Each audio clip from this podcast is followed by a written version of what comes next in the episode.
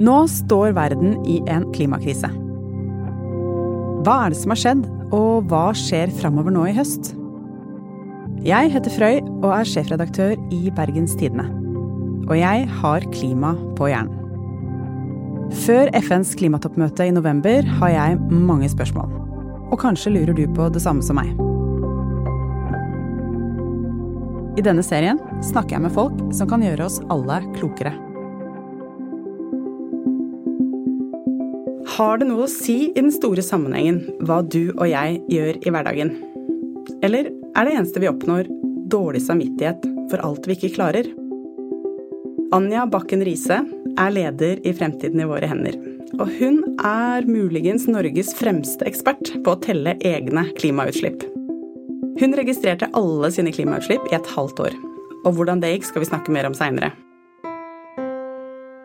Men først, Anja. For mange av oss så er det utrolig krevende å finne ut hva som er de riktige klimavalgene i hverdagen. Hender det at det er sånn for deg òg? Åh, ja. Å prøve å sette seg inn i altså, hva som er best i hvilken mat vi skal velge, hvordan vi skal reise, hvilken strømavtale vi skal ha osv., hvor vi bør plassere sparepengene våre. Det er en fulltidsjobb å holde seg oppdatert på alt det. Eh, så, så egentlig så lander jeg jo litt på at eh, ingen bør prøve å gjøre det jeg gjorde, nemlig å prøve å gjøre det best mulig på alle de områdene. Men vi kan alle gjøre litt på noen områder. Ikke sant. Mitt forhold til det å leve klimavennlig, det er litt sånn jojo-slanking. Det blir periodevis lite kjøtt. Eh, og så har jeg dratt med familien min på interrail, men året etter så dro vi til Japan med fly. Og så har jeg jo elbil, men eh, jeg har nettopp kjøpt meg ny elbil, for jeg er ganske glad i bil. Hva tenker du om den måten å gjøre det på? Jeg tenker at det er kjempebra at dere gjør noe. Og ja, så ble det kanskje togtur det ene året, og så ble det flyreise det neste. Men det er jo mye bedre det enn at det ble flytur begge årene. Jeg syns at vi skal prøve og så skal vi heie på dem som prøver, og så skal vi fortsette å prøve. Og så er ikke det viktigste her at alle er liksom perfekte lavutslippsmennesker, men det er at vi alle prøver litt, og så må vi holde politikerne våre ansvarlig for å sørge for helheten, og at vi faktisk samla sett kommer oss ned på en bærekraftig måte å leve på. Mm. Du har jo tatt noen litt ekstreme valg, eller i hvert fall det ene ekstreme valget ved å registrere alle klimautslippene dine. Dette har du skrevet om i den boka som heter Mitt klimaregnskap. Men kan du si hvorfor gjorde du det? Hvorfor uh, tok du deg bryet med å registrere absolutt alt? jo, nei, altså som, som leder i Framtiden våre hender, så opplever jeg at det her er noe folk etterspør. Altså, folk kommer til oss og lurer på hva kan jeg gjøre? Og når er det bra nok? Det er litt som du var inne på sjøl.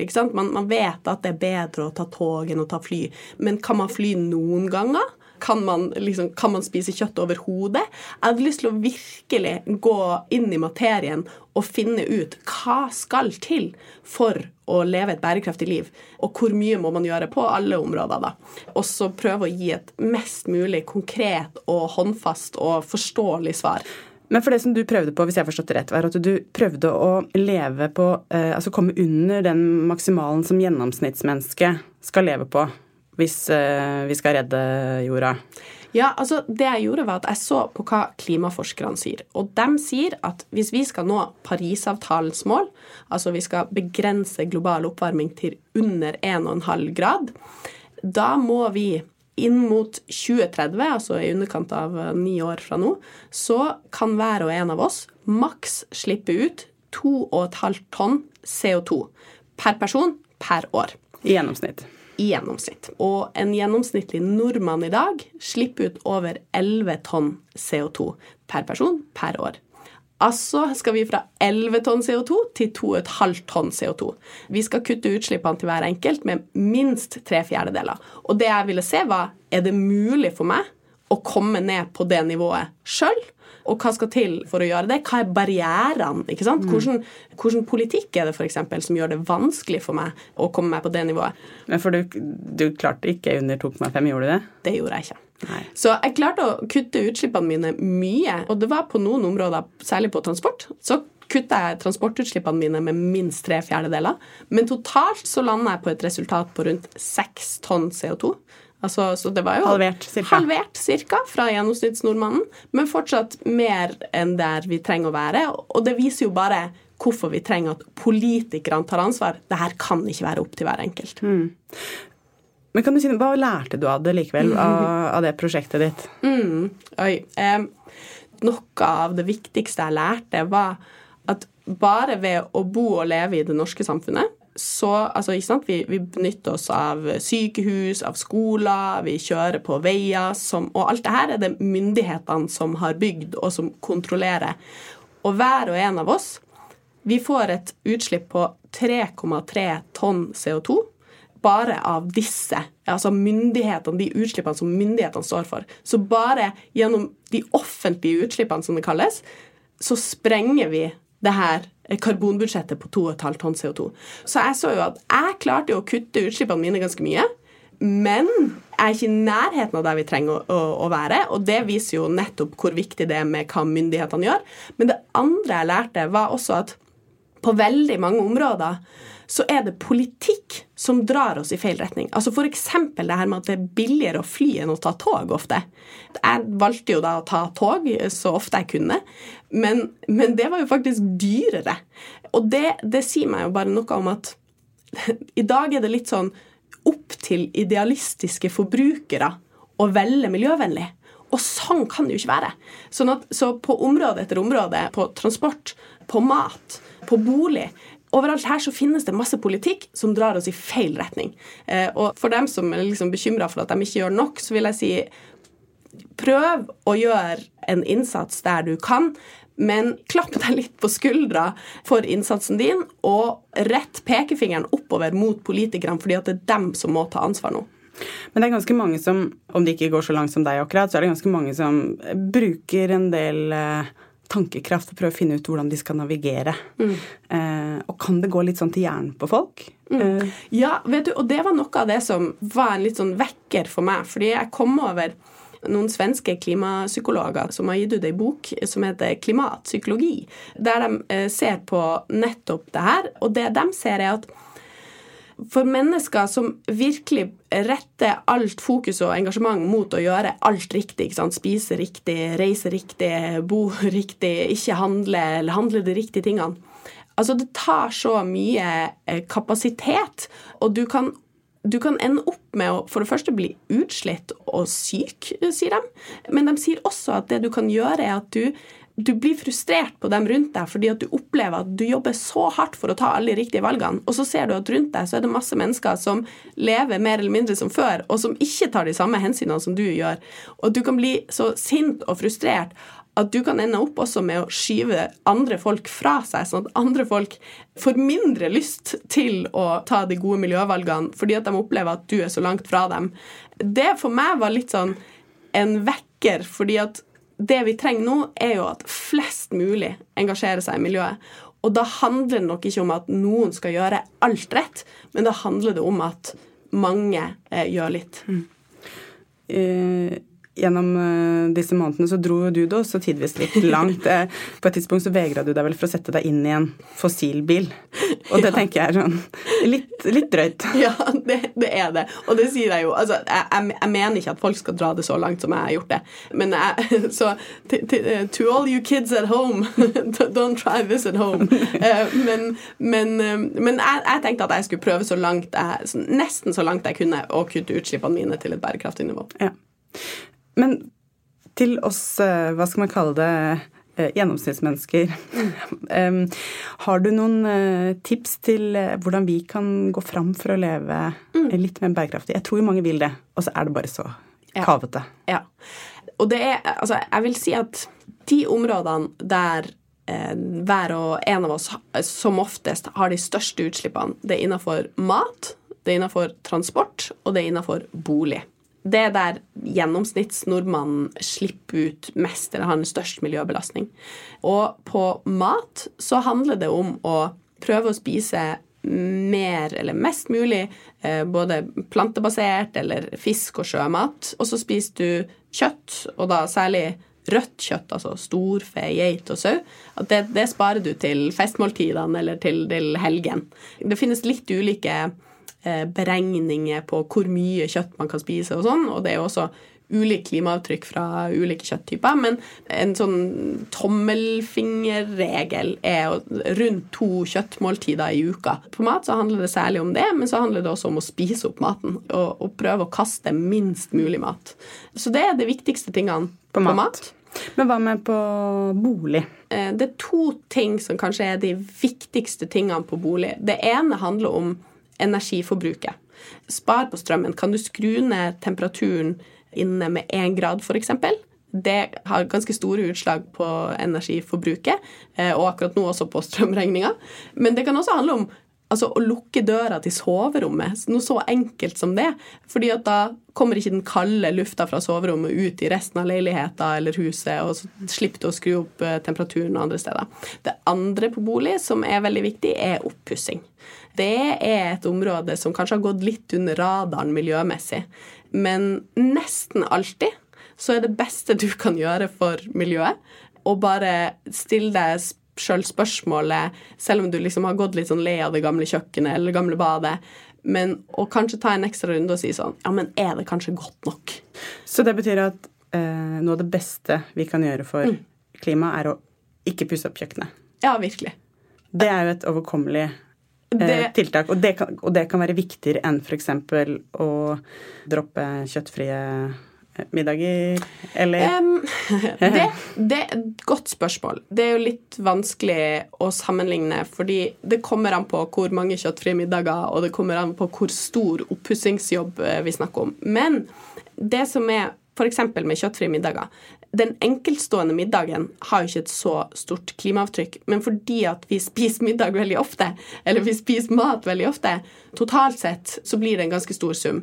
Mens f.eks. oppussing, da, det er jo noe som du gjør veldig sjeldent, men den ene oppussinga kan stå for en veldig stor andel av klimaavtrykket ditt.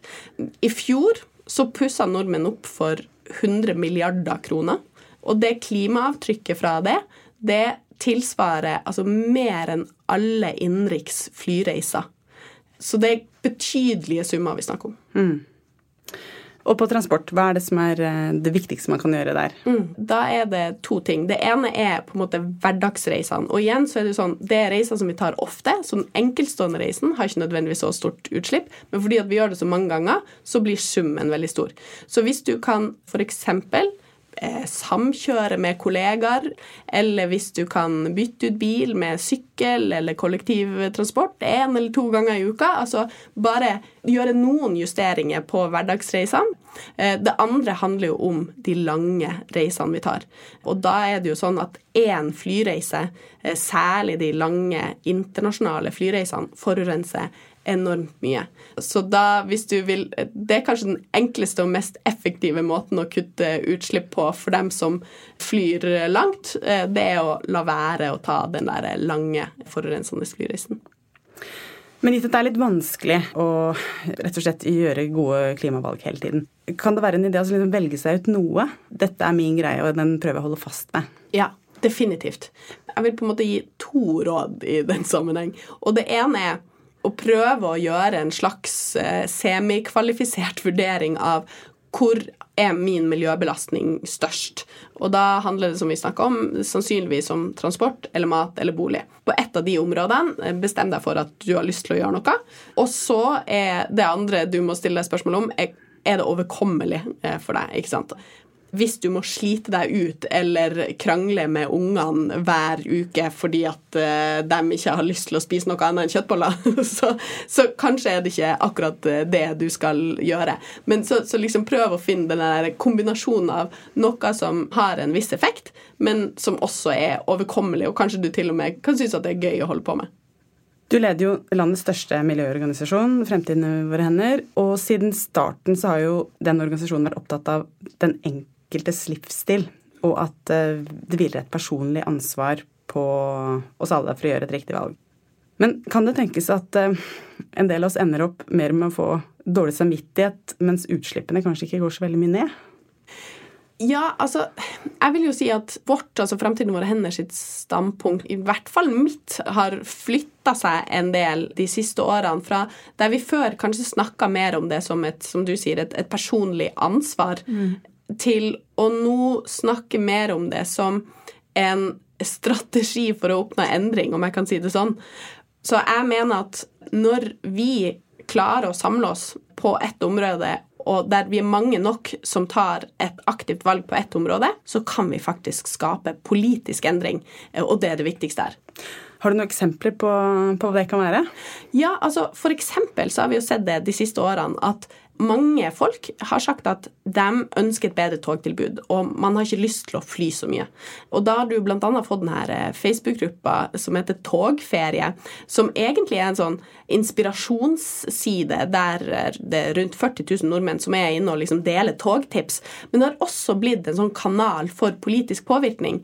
Og samtidig som at folk der snakker om hva de ønsker seg om et forbedra togtilbud, så har jo Jernbanedirektoratet eh, gått ut og spurt folk da ok, hva er det dere ønsker dere. Og nå jobbes det både for bedre nattog eh, og for bedre tilgangen til tog ut av landet osv. Mye av det her har kommet på plass nettopp fordi at folk har engasjert seg i det spørsmålet. Så hvis man skal velge seg en eh, klimaendring i hverdagen, så bør man prøve å velge en endring som andre også gjør, da? Ja, man bør det. Og da er jo selvfølgelig det enkleste å orientere seg ved å melde seg inn i en miljøorganisasjon f.eks., som prøver å, å styre folk i, i den retninga der vi trenger et trykk og et engasjement til enhver tid. Så tenker jeg også at det handler litt om, som jeg sa i stad, denne kombinasjonen hva ønsker du å gjøre, og hva har en effekt? Og det her med flyreiser da, f.eks., er veldig viktig. I november så er jo FNs klimatoppmøte i Glasgow, og vi veit ikke hvordan det kommer til å ende. Men har det noe å si for eh, motivasjonen til vanlige folk, tror du, hvordan eh, et klimatoppmøte ender? Ja, det har det absolutt. Eh, vi så det f.eks. I, i 2007 i, i klimatoppmøtet i København, som ble rett og slett en kjempefiasko. Og etter det så dalte klimaengasjementet i, i mange land, og det handla nok nettopp om at man ble skuffa og følte at ingenting nytta. Eh, mens vi så det motsatte etter eh, klimatoppmøtet i Paris i, i 2015 der man fikk på plass en, en, internasjonal klimaavtale. Og det ble på en måte startskuddet for et kjempeengasjement, ikke minst i næringslivet. Og veldig mye har liksom skjøtt fart etter Parisavtalen i 2015. Sånn at hva som skjer på klimatoppmøtet, kan ha veldig mye å si for klimasaken og engasjementet politisk i næringslivet og blant folk flest eh, framover. Mm. Så, så, hvorvidt eh, politikerne, altså verdens eh, ledende politikere klarer å komme til enighet, det kan også påvirke hvor mye man, endring man klarer å få til på grasrota? Ja, eh, det mener jeg. Folk flest eh, Jeg blir kontakta av folk nesten daglig som lurer på hva de kan gjøre. Det er veldig mange som gir uttrykk for en frustrasjon over at politikerne ikke gjør mer. Og hvis det blir sånn etter klimatoppmøtet at man enda en gang kjenner på at politikerne ikke leverer, så er det jo ikke noe rart at vanlige folk tenker ja, men hvorfor skal jeg orke eh, å gjøre alle de her tingene når ikke våre øverste ledere gjør det samme? For det er jo sånn, det å stå og skylle merkekartonger og altså, alle disse tingene, det er jo litt sånn irriterende i hverdagen. Og hvis man føler at man står aleine om å stå der og resirkulere og sykle i regn og vind og ja, Litt frustrerende, kanskje? Ja, det er det. Så jeg tror jo det veldig mange gir uttrykk for at de ønsker seg, er et litt sånn felles løft, og at det skal være rettferdig, at det ikke skal være sånn Altså, det er jo urettferdig eh, når det er sånn at eh, vanlige folk blir irritert når eh, bensinavgiften øker for dem, mens de rikeste kan fly så mye som de bare vil. Sånn at vi trenger mer av de klimapolitiske rammene for samfunnet som gjør byrdefordelinga litt mer rettferdig.